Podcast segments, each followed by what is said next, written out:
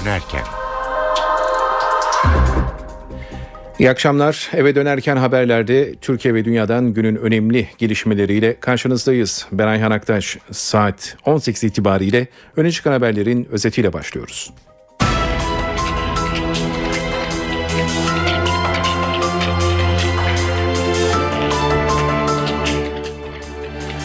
G20 zirvesi başladı. Resmi gündem ekonomi ancak masa yatırılacak en önemli başlık Suriye. İki gün sürecek zirvede liderler arasında yapılacak görüşmeler Suriye'nin kaderini belirleyecek.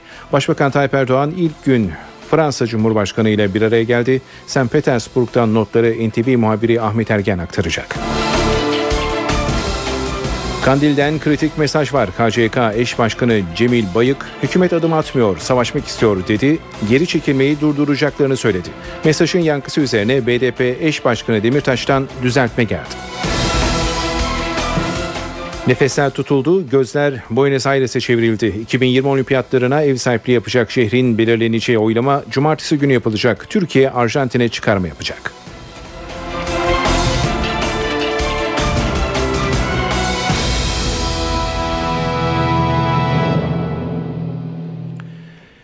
Dünyanın gözü Rusya'nın St. Petersburg kentinde. Dünyanın önde gelen 20 ülkesinin lideri Rusya'da buluştu. Resmi gündem ekonomi ancak bu Suriye krizi nedeniyle bir başlık, tali bir başlık olarak kalacağı benzer.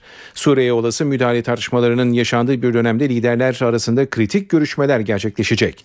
G20 zirvesinde Türkiye'yi Başbakan Tayyip Erdoğan temsil ediyor. Ayrıntıları ve Başbakan Tayyip Erdoğan'ın programını NTV'den Ahmet Ergen anlatacak. Ahmet, Başbakan kimlerle görüşecek? Ayhan G20 Liderler Zirvesi resmi olarak çalışmalarına başladı. Başbakan Recep Tayyip Erdoğan resmi açılış töreni öncesinde ikili temaslarda bulundu. İlk olarak Singapur Başbakanı ile bir araya geldi. Daha sonra Fransa Cumhurbaşkanı Hollande'la bir görüşme gerçekleştirdi.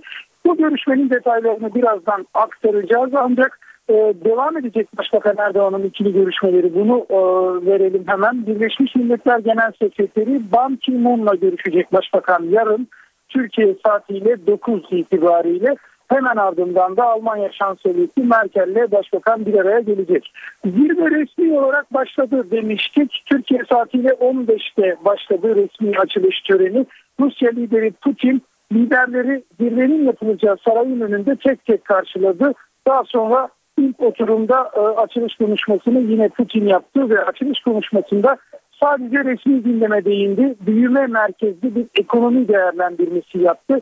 Ancak konuşmasının sonunda e, resmi gündeme değindiğini kendi de belirtti. Gündem dışı ama özellikle Suriye konusunda görüşmek isteyenler olursa buna toplantı boyunca yer verileceğini ifade etti Rusya lideri Putin.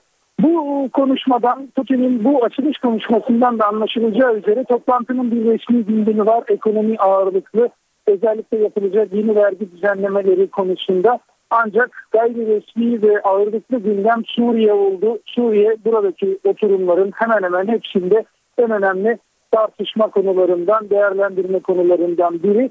Biraz önce aktardığımız Başbakan Holland görüşmesinde de bu konu ön plandaydı. İki lider iki ortak e, noktada görüş birliği açıkladı. Bunlardan birincisi Şam yönetiminin sivilleri kimyasal silahla hedef alması karşılıksız bırakılmamalı yönündeydi. Diğeri de Amerika Birleşik Devletleri Başkanı Obama'nın Suriye'ye askeri müdahale meselesini kongreye getirme kararına saygı e, duyulduğu, saygıyla karşılandığı yönündeydi. Başbakan Erdoğan'ın başka mesajları da oldu. Başbakan Holland'la görüşmesinde uluslararası toplum Suriye konusundaki sorumluluklarını yerine getirmeli, gereken adımlar ivedilikle atılmalı dedi. Resmi gündemdeki çalışmalara tekrar dönersek Başbakan Erdoğan bugün iki e, oturumda konuşacak. Bunlardan biri büyüme ve küresel ekonomi başlıklı, diğeri de büyüme ve kalkınma başlıklı. Ee, yine yarın da özellikle ticaret ve istihdam konularının ele alınacağı toplantılarda Başbakan Erdoğan'ın söz alacağını da aktaralım Ayhan. Peki Ahmet e, bu yılki zirvede Amerika Birleşik Devletleri Rusya soğukluğu da gözlemleniyor. Buna ilişkin elinde hangi notlar var?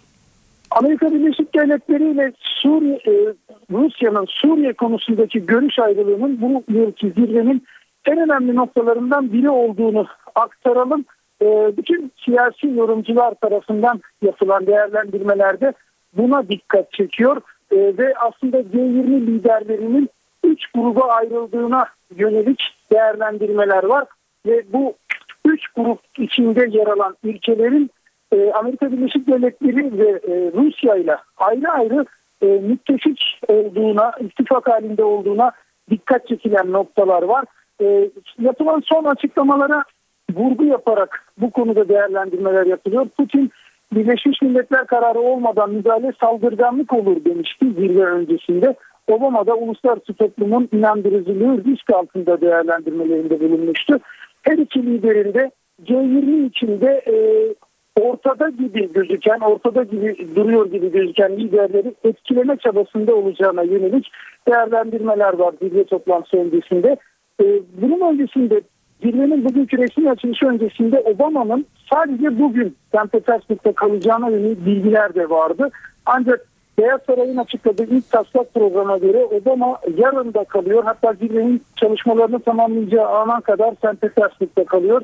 Ve e, toplantıların bitiminde de bir basın toplantısı düzenlemesi planlanıyor. E, son notlarda bu şekilde. Evet G20 toplantılarının yapıldığı St. Petersburg kentinden gelişmeleri NTV'den Ahmet Ergen aktardı. Akdeniz ısınacağı benzer. Rusya Amerika'ya misilleme olarak Akdeniz'e savaş gemileri gönderdi. Gemiler yaklaşık 2 saat önce İstanbul Boğazı'ndan geçti. Böylece Suriye'ye olası operasyon öncesi Rusya'nın Doğu Akdeniz'deki filosu güçlendirildi. 3 Rus savaş gemisi İstanbul Boğazı'ndan geçti. Gemilerin hedefinde Suriye kıyıları var. Olası Suriye operasyonunda Amerika Birleşik Devletleri'nin uzaktan müdahale seçeneğini kullanması öngörülüyor. Çok sayıda Amerikan destroyeri ve denizaltısı Doğu Akdeniz'de hazır bekletiliyor. Suriye'nin müttefiki Rusya da buna karşılık Doğu Akdeniz'deki filosunu güçlendiriyor. Amerika Birleşik Devletleri'nin Suriye'ye yönelik olası operasyonuna karşı Rusya da Doğu Akdeniz'deki filosunu güçlendiriyor. İstihbarat gemisi Priazovye İstanbul Boğazı'nı geçiyor. Gemi kısa bir süre sonra Suriye açıklarında olacak. 1987 yılında denize indirilen ve 2007 yılında modernize edilen gemi geniş bir alanda elektronik dinleme ve izleme yapma kapasitesine sahip. Bölgedeki Rus filosunun gözü kulağı olacak. Gemi İstanbul Boğazı'nı geçerken Türk hücum botları da kendisine eşlik etti. Priazovye'ye Rus donanmasından iki gemi de eşlik ediyor.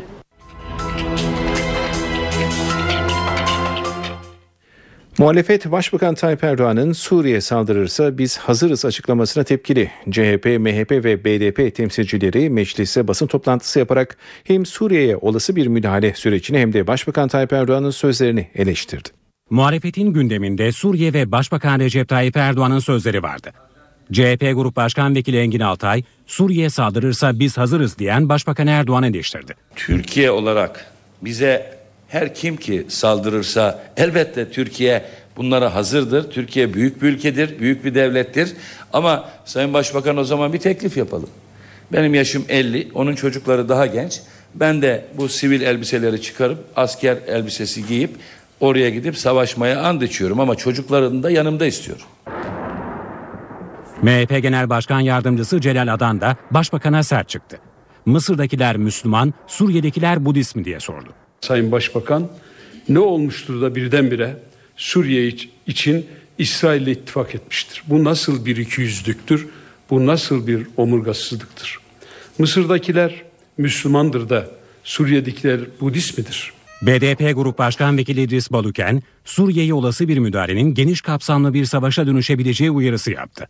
Suriye'ye yapılacak bir dış müdahale ve bu dış müdahalenin içerisinde Türkiye'nin bulunması büyük bir bölgesel, etnik ve mezhepsel savaşı tetikleyebilir. Çok ciddi kaygılarımız var. Suriye'ye yapılacak bu yeni müdahaleye de her zeminde karşı olacağız.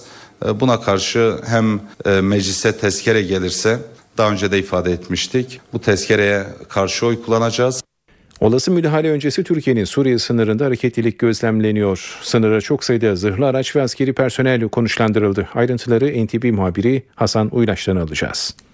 Türk askerinin sınırın sıfır noktasında teyakkuzda olduğunu söyleyebiliriz. Geçtiğimiz Temmuz ayında Suriye'nin Türk jetini düşürmesinin ardından Başbakan Suriye'ye karşı angajman kurallarının değişeceğini açıklamıştı. İşte bu dönemde sınır hattındaki karakollara askeri sevkiyat başlamıştı. Özellikle Stinger füzeleri sınır karakollarına yerleştirilmişti. Bugün bu füzelerin yönü Suriye'ye çevrilmiş durumda. Askeri sevkiyat bununla sınırlı değil. Dün Gaziantep 5. Zırhlı Tugay Komutanlığı'ndan çıkan çok sayıda askeri araç Karkamış ve Kilis Öncü Pınar gibi 2. Hudut e, Tabur Komutanlığı'na ait sınır karakollarına konuşlandırılmıştı. Bu sevkiyat dün akşam ve bugün de devam etti. Özellikle dün Yaylıdağ ilçesine Yaylıdağ 2. Hudut Tabur Komutanlığı'na 20 araçlık bir askeri malzeme taşıyan konvoy giriş yapmıştı. Sabah saatlerinde bu askeri araçlar, askeri zırhlı araçlar sınır hattındaki özellikle e, Suriye'den Türkiye'ye göç eden mültecilerin giriş yaptığı noktalarda güvenlik önlemi almış durumda. Askeri sevkiyatın devam ettiğini de belirtebiliriz. Özellikle 39. Mekanize Tugay Komutanlığı'ndan yaklaşık yarım saat önce çıkan bir askeri konvoyda şu saatlerde Yayla Dağı'na doğru, Yayla Dağı'ndaki sınır birliklerine doğru hareket ediyor. Dediğimiz gibi Türk askeri sıfır noktasında teyakkuzda özellikle Akçakale ve Resulayn'da çatışmalar devam ederken Ceylanpınar'da askeri nöbet kulelerinde nöbet tutma işlemi kaldırılmıştı. Bu uygulamanın Hatay'da da başladığını söyleyebiliriz. Hemen sınırın sıfır noktasındayız. Biz artık askeri nöbet kulelerinde asker görmek mümkün değil ancak sınır hattında askeri zırhlı araçların sık sık devreye gezdiğini söyleyebiliriz. Ve çözüm sürecine ilişkin Kandil'den kritik bir mesaj var. KCK eş başkanı Cemil Bayık, hükümetin seçime doğru oyalama taktiği uyguladığını, adım atmaması nedeniyle sürecin tıkandığını ileri sürdü. Görülüyor ki hükümet çözüm değil, savaşmak istiyor iddiasında bulundu. PKK'ya yakın Fırat Haber Ajansı'nın internet sitesinde yayınlanan habere göre Cemil Bayık, PKK'nın geri çekilme sürecini durdurduklarını iddia ederek eğer operasyon yaptıklarını görürsek bu operasyonlara karşı meşru savunma yapacağız. Savaşı daha da şiddetlendirmek isterlerse güneye gelen grupları yeniden göndereceğiz ifadelerini kullandı. BDP eş başkanı Demirtaş bu sözlerin yankısı üzerine düzeltme yapan bir mesaj verdi. Cemil Bayın sözlerinden KCK'nın geri çekilmeyi resmi olarak durdurduğu anlamı çıkmadığını savundu. Mısır'a geçelim. Asker güdümlü yönetimin üst düzey isimlerinden birine suikast girişimi düzenlendi. Bombalı saldırılardan kurtulan İçişleri Bakanı bu saldırı terör dalgasının sadece başlangıcı dedi. Mısır İçişleri Bakanı suikast girişiminden son anda kurtuldu. Başkent Kahire'nin Nasremtin'de gerçekleşen saldırıda bomba yüklü araçla bakanın konvoyu hedef alındı. Patlamanın ardından da Bakan Muhammed İbrahim'in içinde bulunduğu zırhlı araca ateş açıldı. Bakan saldırılardan yara almadan kurtuldu. Yetkililer bomba yüklü aracın şoförünün hayatını kaybettiğini, güvenlik güçlerinin saldırganlardan ikisini de öldürdüğünü açıkladı. Aralarında polislerin de bulunduğu en az 10 kişi de yaralandı. Saldırının gerçekleştiği bölgede büyük hasar meydana geldi.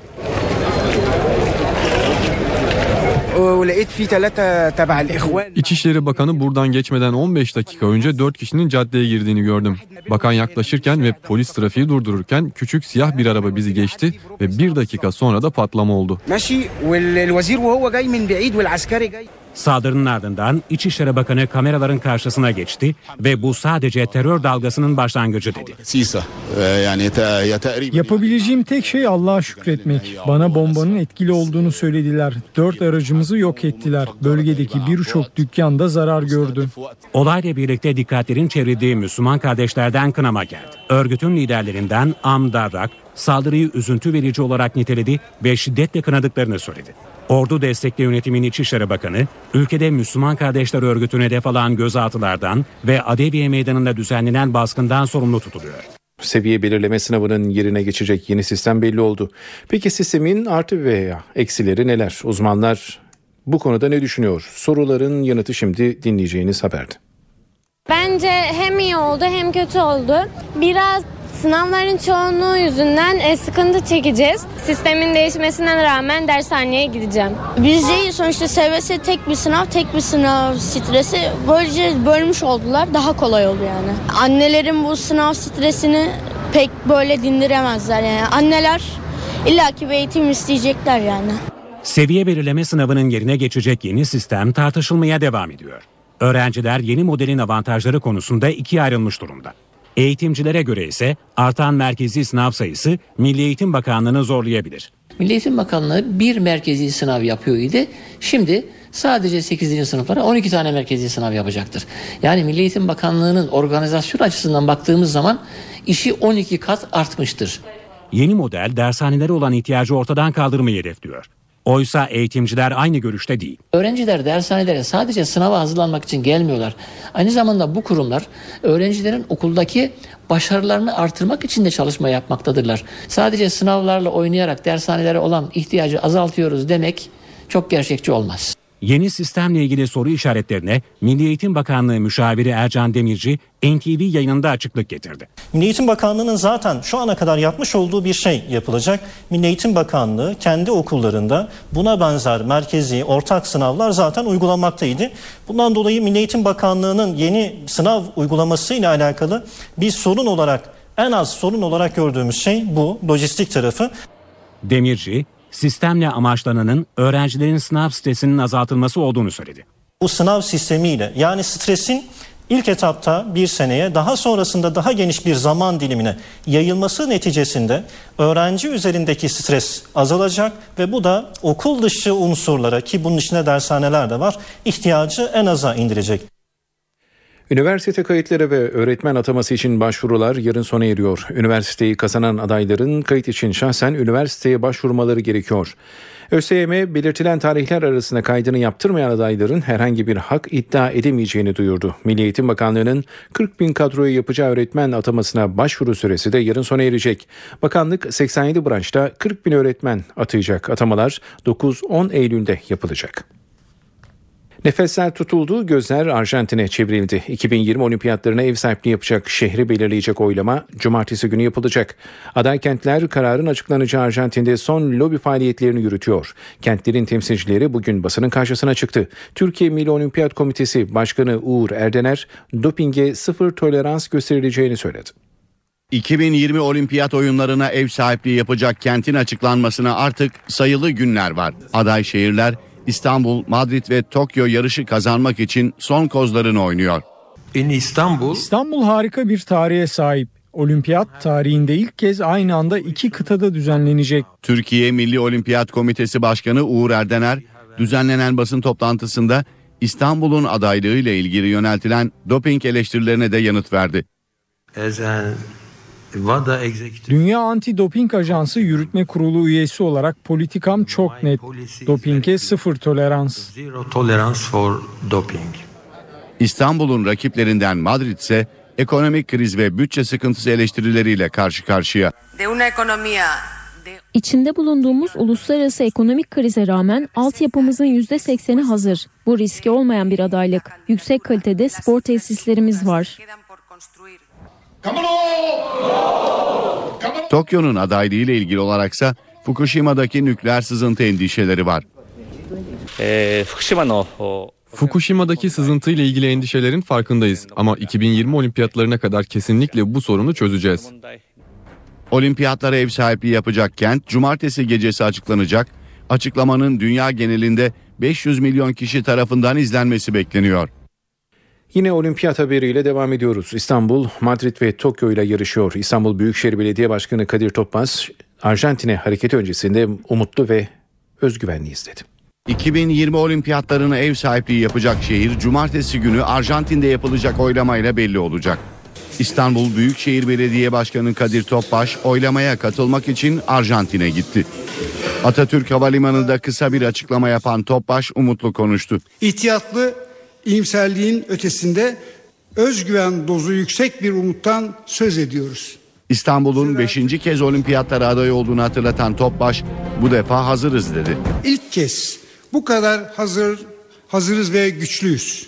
Gücümüz, enerjimiz, heyecanımız, kaynağımız var. Çok özverili, titiz ve bilinçli bir çalışma yürütüldü. Herkes üzerine düşen görevi büyük bir hassasiyetle yerine getirdi. Şimdi verilen bu emeklerin meyvesini almak istiyoruz. Oylama toplantısına Başbakan Recep Tayyip Erdoğan'la birlikte Başbakan Yardımcısı Ali Babacan, Bakanlar Suat Kılıç, Binali Yıldırım ve Erdoğan Bayraktar'ın da katılması bekleniyor.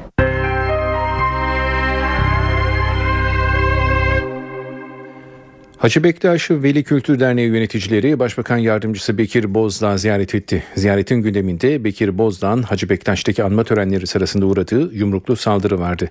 Dernek yöneticileri Bozdağ'dan olayla ilgili özür diledi. Yumruk krizi özürle noktalandı.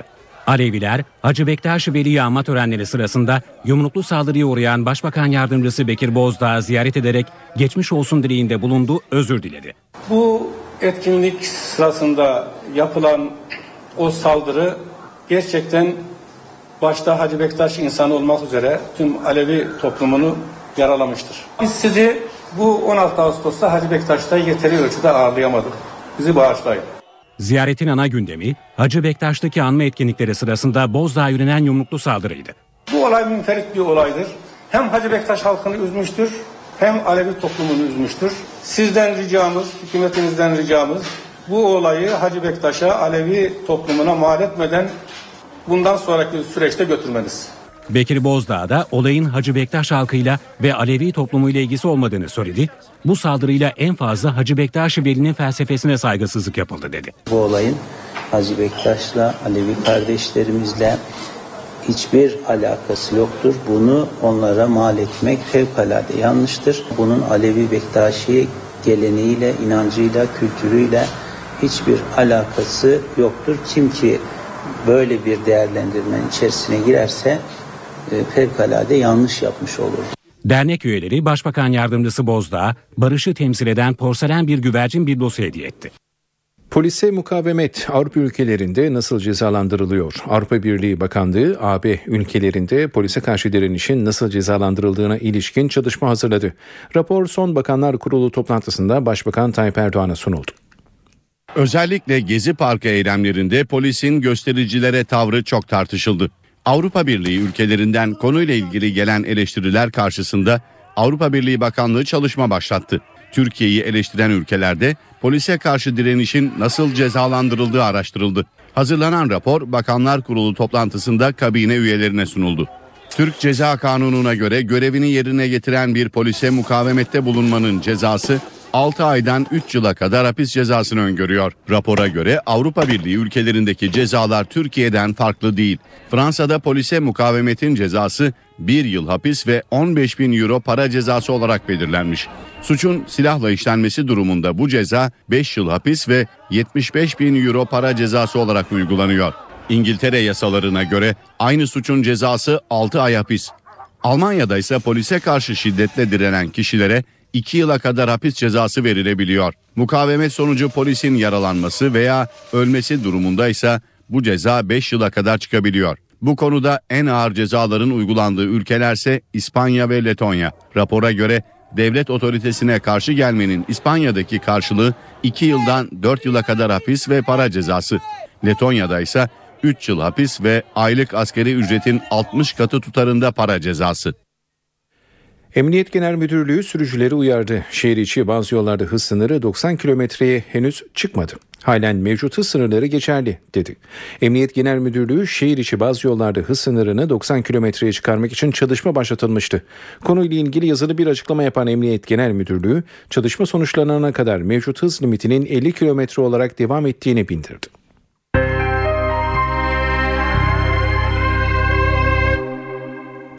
Ekonomi Bakanı Zafer Çağlayan, Merkez Bankası'nın dövize müdahale adımlarını eleştirdi. Çağlayan, bilek güreşi yapmanın anlamı yok dedi. Bakana göre Merkez Bankası Başkanı Erdem Başçı'nın yıl sonunda dolar 1.92 lira olur sözü de fazla iddialı.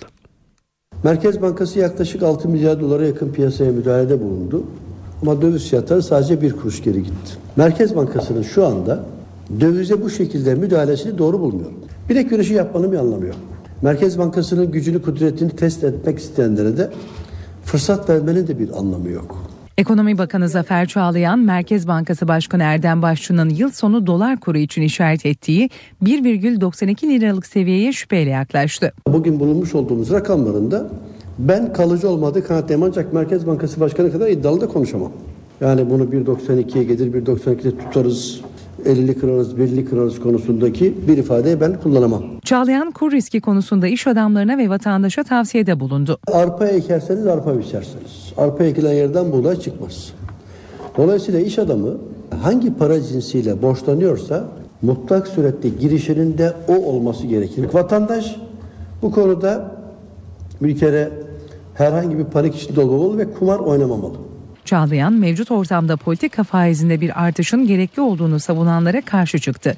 Değişikliğe gerek yok dedi.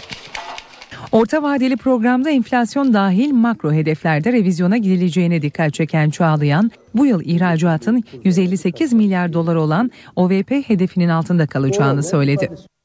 Dolar bugün yeniden rekor kırdı. Gün içinde 2 lira 8 kuruşu gördü. Bakalım gün sonunda ne oldu? Para ve sermaye piyasalarında bugünkü tabloyu CNBC'den Enis Şener'dem anlatıyor. İyi akşamlar. Doların ateşi yine yükseldi. Sabah saatlerinde bir yandan Amerikan Merkez Bankası Fed'in ucuz para dönemini bitireceği endişeleri, diğer yandan Suriye gerginliği dolar TL'nin hızla yükselmesine neden oldu. Kur 2.0840 seviyesiyle yeni tarihi zirveyi gördü. Kur günü de 2.07 üzerinde tamamladı. Analistler Merkez Bankası politikalarının belirsizlik yarattığını söylüyor ve dolar TL'de yükseliş riskinin devam ettiği uyarısını yapıyor. Kurdaki bu hızlı yükseliş borsaya ise düşüş olarak yansıdı ve BIST 100 endeksi günü %0.37 kayıpla 66.715 seviyesinden tamamladı. Gün içinde borsanın 66.200 seviyesine kadar geri çekildiğini takip ettik. Piyasada genel kanı dövizin ateşi düşmeden borsada kalıcı toparlanmanın zor olduğu yönünde. Dış piyasalarda ise daha ılımlı bir hava vardı. Avrupa'da borsalar primli seyrederken Euro dolar 1.31'e geri çekildi. Paritede düşüşte Avrupa Merkez Bankası Başkanı Draghi'nin bugünkü toplantıda faiz indirimini konuştuk açıklaması etkili oldu. Altın tarafında ise düşüş vardı. Birkaç gündür 1400 dolar seviyesinde tutunmaya çalışan altın bu seviyeden uzaklaştı ve 1370 doların altına geriledi. İstanbul'da helal ve sağlıklı ürünler fuarı açıldı. Fuarda kilosu 830 liraya satılan Endonezya'nın helal kahvesi en çok dikkat çeken ürün. Açılışa Başbakan Yardımcısı Bülent Arınç da katıldı. Arınç, fuarın sloganı olan Helalen Tayyiben Life ifadesindeki Tayyip kelimesine atıfta bulunarak Türk siyasetine göndermeler yaptı. Dünyanın en pahalı kahvesi Endonezya'da yaşayan bir tür rakunun dışkısından yapılıyor. Kilosu 830 liraya satılıyor. Kahve taneleriyle besleniyor. Dışkısındaki taneler bu kahvenin yapımında kullanılıyor. Ancak tamamen steril edip bakterilerden temizliyoruz. Dünyanın en pahalı kahvesi ve birçok ürün helal ve sağlıklı ürünler fuarında çıktı. Fuarı Başbakan Yardımcısı Bülent Arınç açtı. Fuarın İngilizce adındaki Tayyiben kelimesine atıf yaptı. Tayyip kelimesi de mutlaka bunu tekrar bileceğiz. Sağlıklı, temiz, kaliteli demek. Daha da geniş anlamları olabilir. Sayın Başbakan ismini buradan alıyorsa ne mutlu ona. Demek ki ismiyle mütenasip olmuş.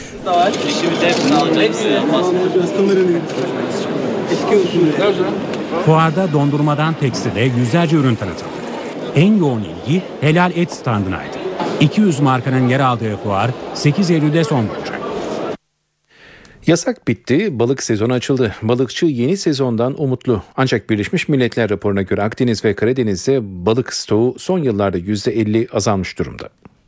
Balıkçılık sezonu açıldı. Gündüzleri ağlar örülüyor, geceleri tekneler denize açılıyor ve gece boyu tutulan balıklar gün içerisinde tezgahlarda alıcılarını bekliyor. 4,5 aydır balıkçı teknesinden, tekneler denizden, ağlarda balıktan uzak. Yasak bitti, sezon açıldı. Nasıl bu sene balıkçılık? Balıkçılık bu sene iyi gözüküyor. Yani sezon iyi geçecek mi? Nasip. Belki iyi geçer belki kötü geçer. Usta eller hızla çalışıyor. Akşama balığa çıkılacak. Ancak denizlerdeki sorunlar hala sürüyor. Örneğin denetimsiz trol avcılığı.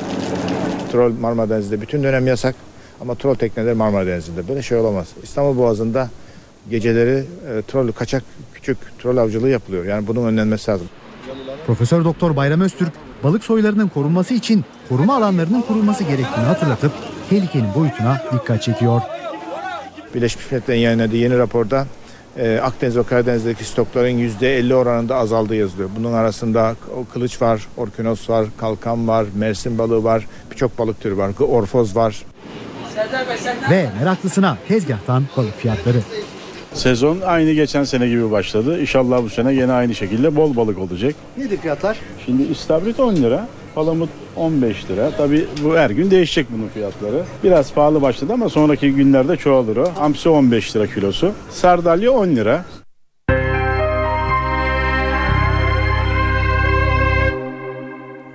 Dünya ünlü oyuncu Jack Nicholson mesleki kariyerine nokta koydu. Amerikan medyası şok gelişmenin nedenini Nicholson'ın hafıza kaybı yaşamasına bağladı.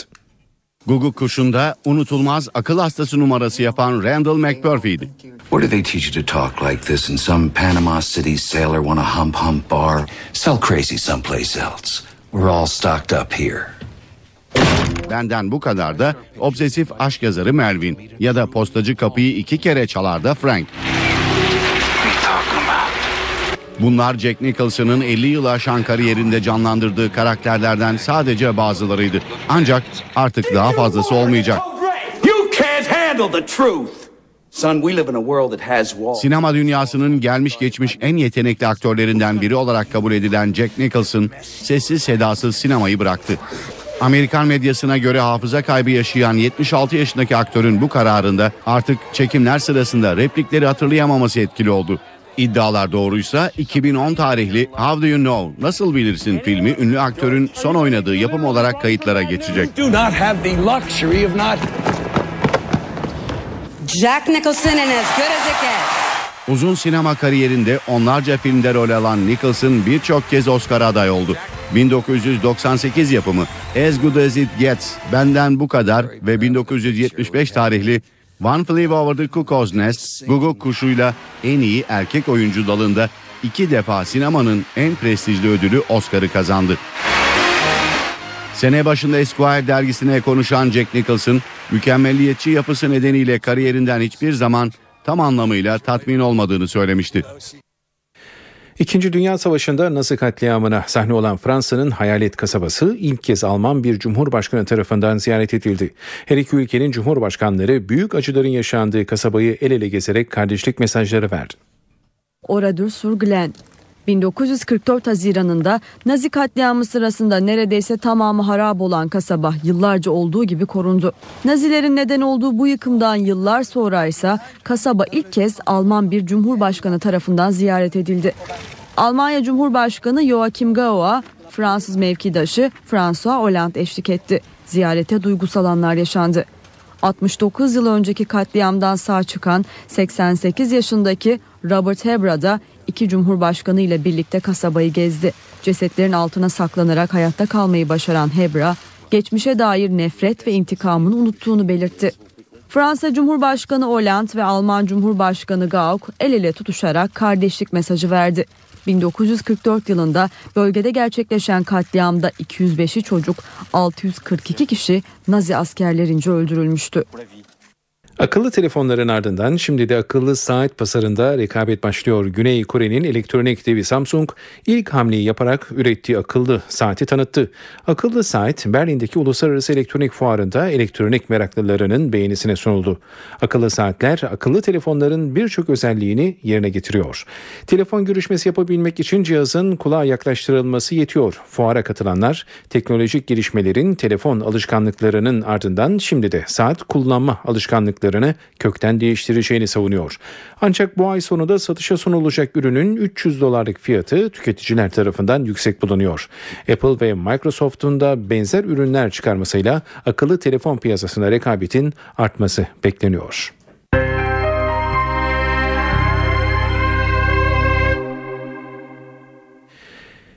A takım Avrupa Basketbol Şampiyonası'na yoluna devam edebilmek için 56 yıldır yenemediği İtalya karşısında çok kritik bir sınav verecek çok kısa bir süre sonra. NTV Spor'un bugün 18.45'te naklen yayınacak karşılaşma öncesi iki takım da özellikle e, mercek altına alıyoruz. Milli takım İtalya karşısında çok erken gelen bir kader maçına çıkacak. Zira ilk maçında Finlandiya'ya beklenmedik şekilde yenilen milliler İtalya'ya da kaybetmesi halinde gruptan çıkma şansını tehlikeye sokacak. Rusya'yı yenen Gökmavililer ise bir galibiyet daha alarak gruptan çıkma yolunda avantaj elde etmek istiyor. Ay Yıldızlıların İtalya'ya karşı 1957 yılından bu yana resmi maçlarda galibiyeti bulunmuyor. Milliler bu kritik maçta bir yandan rakibiyle diğer yandan da bu psikolojik yükle mücadele edecek. Slovenya'ya NBA'de forma giyen Andrea Bargnani ve Danilo Gallinari'yi götürmeyen İtalya'nın en büyük kozları Gelecek sezon yine NBA'de izleyeceğimiz Marco Bellinelli ve Gigi Datome.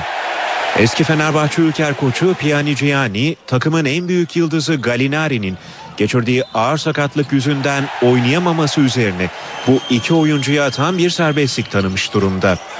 Datome İtalya ile eleme grubunda oynadığımız maçlarda da başımıza fazlasıyla iş açmıştı. Belinelli ise skorer kimliğinin yanı sıra zaman zaman gök mavillerin gizli oyun kurucusu rolüne de soyunuyor. Onunla birlikte Rusya maçı Belinelli-Datome ikilisinin hücumda sınırlanması halinde İtalya'nın sayı üretmekte çok zorlanacağını da gözler önüne serdi. Ayrıca İtalyan ekibi çok dar bir rotasyonla mücadele ediyor. Bu dar rotasyon aşırı yorgunluğu beraberinde getirince Gökmavili ekip Rusya maçını neredeyse kaybediyordu. Bu nedenle millilerin her zaman istikrarlı şekilde yaptığı yıpratıcı savunma maçın kilitlerinden biri olacak. Milliler pota altında da rakibine karşı üstün görünüyor. Ancak Finlandiya karşısında da geçerli olan bu üstünlük maçın kazanılmasına yardımcı olmamıştı. Pota altını kalabalık tutan Finlandiya oyuncularımızın dış şutlarını riske ederek sonuç almıştı. İtalya'nın da güçlü pota altımız karşısında benzer bir taktik uygulaması muhtemel. Bu nedenle Finlandiya karşısında çok düşük bir yüzdeyle dış atış kullanan Hidayet, Ersan, Emir ve Serhat gibi oyuncularımıza Gökmaviller karşısında çok iş düşecek. Millilerin 56 yıllık İtalya lanetine son verip veremeyeceği ise bugün 18.45'te oynanacak maçın ardından Beşiktaş aradığı sol beki Brezilya'da buldu. Siyah beyazlar Flamengo'da forma giyen 25 yaşındaki Ramon Motta'yı borsaya bildirdi. Beşiktaş Flamengo'dan Ramon Motta'nın kiralanması için oyuncu ve kulübüyle görüşmelere başlandığını borsaya bildirdi. Ramon'un bugün İstanbul'a gelmesi bekleniyor. Flamengo ile 32 maça çıkan Brezilyalı oyuncunun bir golü bulunuyor. Bonservisi Corinthians'ta olan Ramon Flamengo'da kiralık oynuyor. Beşiktaş Başkanı Fikret Orman futbol ve basketbol takımının sponsorluk anlaşması töreninde gündeme yönelik açıklamalarda bulundu. Fernandes'in takımda kalmak istediğini söyleyen Orman transfer stratejilerini Türkiye Futbol Federasyonu'nun aldığı yabancı sayısı kuralı çerçevesinde geliştirdiklerini ifade etti. Bu federasyon yetkilisi hatta en üst yöneticisi Yıldırım Demirören'den bizzat kendim konuştum. Onlar bu stratejide devam edeceklerini, bu sene önümüzdeki seneki stratejilerinde 5 tane sahada 3 tane şeyde e, ne, ne, tribünde olmak kaydıyla devam edeceklerini ifade ettiler. Biz de ona da yönelik çalışıyoruz. E, bütün stratejimiz de onun üzerine kurulmuş vaziyette. E, Beşiktaş artık bu dakikadan sonra e, o stratejiyi konulup değiştirilmemesinin de taraftır. Çünkü biz o yönde çalışmalarımızı yaparken başka kulüpler başka bir şekilde çalışmalarını götürdükleri zaman son dakika değişikliklerine bu dakikadan sonra biz müsaade etmeyeceğiz. Sayın dinleyenler yarınki Andorra maçı öncesi Amili Futbol Takımı Teknik Direktörü Fatih Terim Kayseri'de basın toplantısı düzenliyor. Dinliyoruz. Şansımızın çok az olduğu hatta sadece bize bağlı olmayan rakiplerimizin de sonuçlarının bizi bir yerlere getireceği veya getirmeyeceği bir ortam içerisindeyiz. Ama bu e, biz kalan maçlarımızın en iyi şekilde bitirip sonucu beklemek veya sonuçta hayalimizi gerçekleştirmek istiyoruz. Böyle bir şey hayal ediyoruz tabi. Gerçi çok uzak da olsa e, bu hayalimizin gerçekleşmesini diliyoruz, arzu ediyoruz. E, bunun çok zor olduğunu da biliyoruz. Hatta birçok matematik hesabın içerisinde olması gerektiği e, şekli önümüzde. Ancak eee mucizelerin peşinden hep gittik biz. Gerektiği zaman da o mucizeler gerçekleşti. Biz çalışacağız, uğraşacağız. Terimizi sahada son saniyeye kadar akıtacağız. Allah izin verirse ben oyuncularıma güveniyorum. elimizden gelenin en iyisini yapacağımızdan kimsenin şüphesi olmasın. Burada benim tek dileğim Türk halkından Türk halkı hiçbir zaman milli takımını yalnız bırakmadı. Hiçbir zaman da bırakmayacaktır. Onlarsız bir milli takım düşünülemez. Onların desteği, onların bize olan inancı, onların pozitif yaklaşımı ve elektriği bizi her zaman sahada eee, güçlü kılacaktır. O yüzden bizim halkımızdan ricamız bizi hiç bırakmasınlar. Bizi hep desteklesinler. Biz de onlara layık olan bir milli takım ortaya çıkaralım. Bu yıllar içerisinde beraberce çok önemli işler yaptık. Çok önemli zaferlere imza attık. Çok önemli turnuvalarda adeta kendimizden geçtik. Bugün ne olabilir?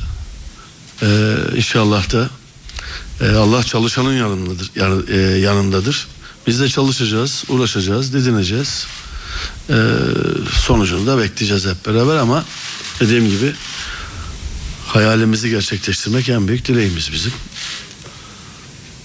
Sorularınız varsa Şurası.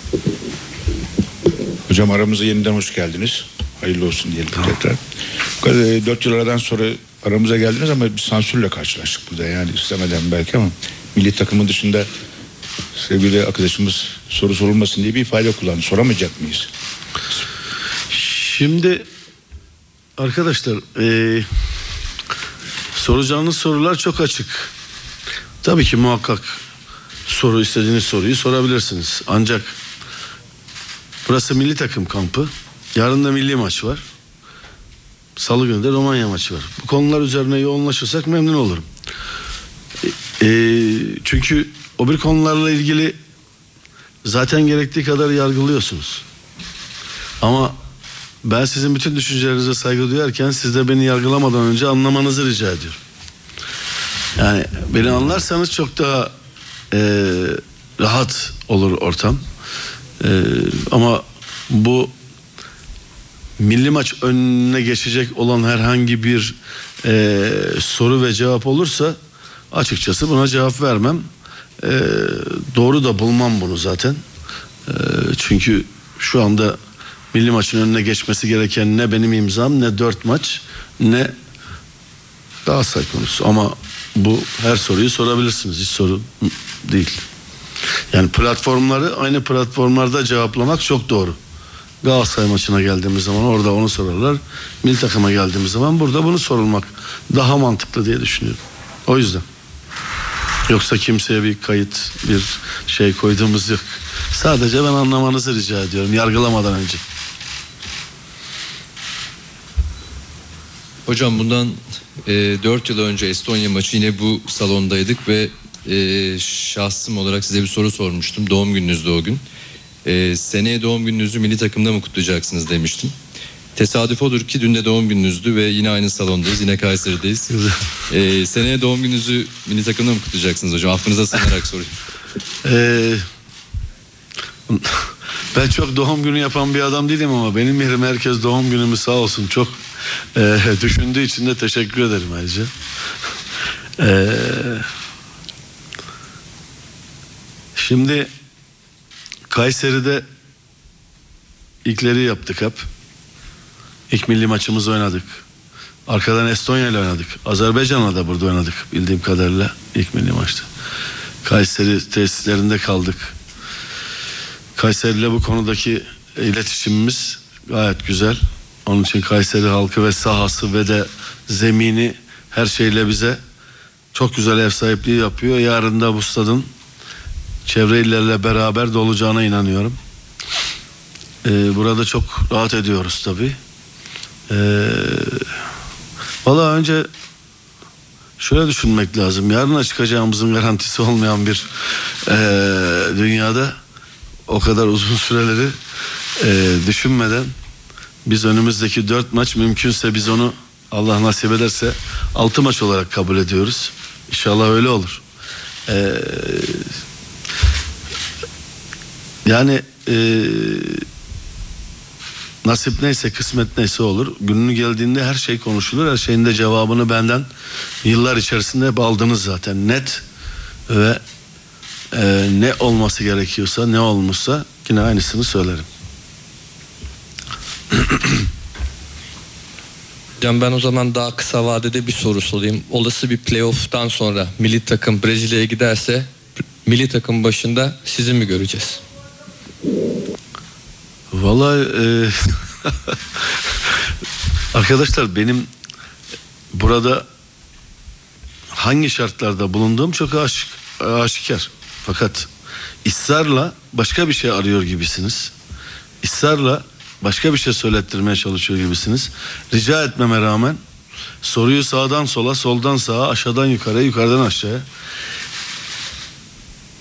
40 senesini vermiş biri olarak sizlerle beraber devamlı çalışan biri olarak çok eee, şey akılcı değil, çok eee, şey de değil. eee, ne diyelim? Yani benden bir şey almaya maç öncesi rica edeyim yapmayın. Ben buradayım. Biz hele bir Brezilya'yı bulalım bakalım Allah nasip ederse. Oradan sonra hangimiz neredeyiz zaten ifade ettik daha önce ama ısrarla e, tabi kafanızı karıştıran başka mevzular da oluyor. Hak veriyorum size ama e, bence doğru yol bulmanızın tek e, şeyi var. E, ne diyelim? Üzerine durmanız gereken tek konu var. Şu ana kadar ki benim olan çizgime iyi bakın. Zaten cevabını alırsınız. Son soruyu alacağız. Sizin de benzer yönde mi sorunuz? Yoksa farklı mı? Tamam alalım. Hocam önce hayırlı olsun. Tekrar e, 2008'den sonraki coşkuyu tekrar bizlerle birlikte Türk halkı da yaşamak istiyor. Bu coşkuyla birlikte Kayseri'de bulunuyoruz. Hocam bu e, geçmiş yani gruplarımızdaki yaptığımız kalan e, maçlardaki e, eksiklikleri, pozitiflikleri e, ortaya çıkardınız mı? Yani ne eksikti biz bu duruma geldik? Ve bundan sonra kalan dört maçımızda özellikle e, Romanya maçı kilit noktası olacak. Romanya karşılaşmasından sonraki umudumuz ne olur hocam? Teşekkür ederim. Bir ikincisi e, Andorra takımı tabi belki grubumuzun sonucu takımı olabilir, zayıf görünebilir ama çok mücadele eden, e, çok da sert, agresif mücadele eden bir takım. Son bildiğim kadarıyla da Moldova Moldova ile bir bir kaldılar. Rakibimizin her türlüsüne bir defa saygı duymak gerekir.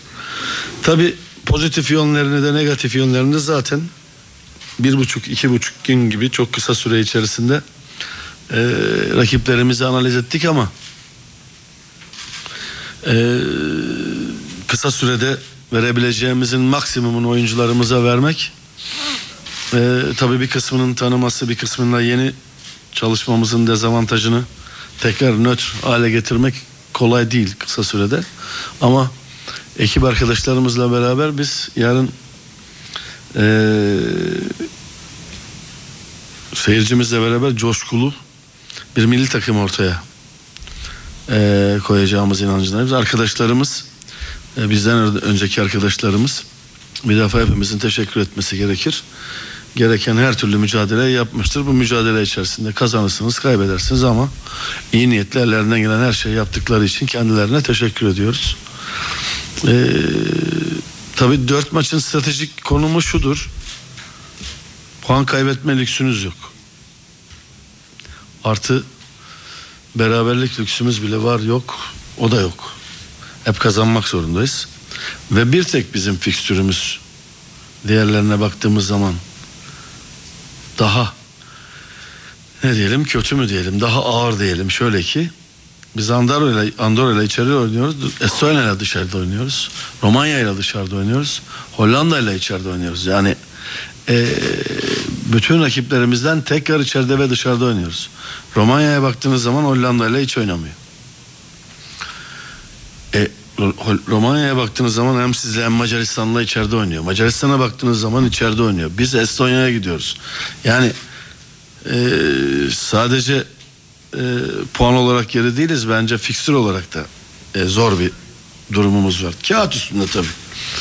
Ama bunun için herkese her yerde yenme becerisini göstermek gerektiğini fikstür bize zaten söylüyor. Yenebilir miyiz? Evelallah yeneriz. Niye yenmeyelim? Oynarız. Yani en azından yenmek için oynarız. Teslim olmayız kimseye. Futbol bize her şeyi gösteriyor ama kaybedecek bir şeyimiz de olmadığı ortamdayız. Ee, yani eskiye de bakıp ya şu maçta bir puan olsaydı, şu maçta bir gol olsaydı gibi hayıflanmanın da manası yok. Ee, çünkü atılan her golün, yenilen her golün de çok önemli olduğu bir noktadayız. Böyle baktığımızda e, kaybetmeden kazanıp kaybetmelerini bekleyeceğiz. İnşallah da bu olur. E, iştahlarından, coşkularından, isteklerinden ve olaya konsantrelerinden memnunum futbolcularımın.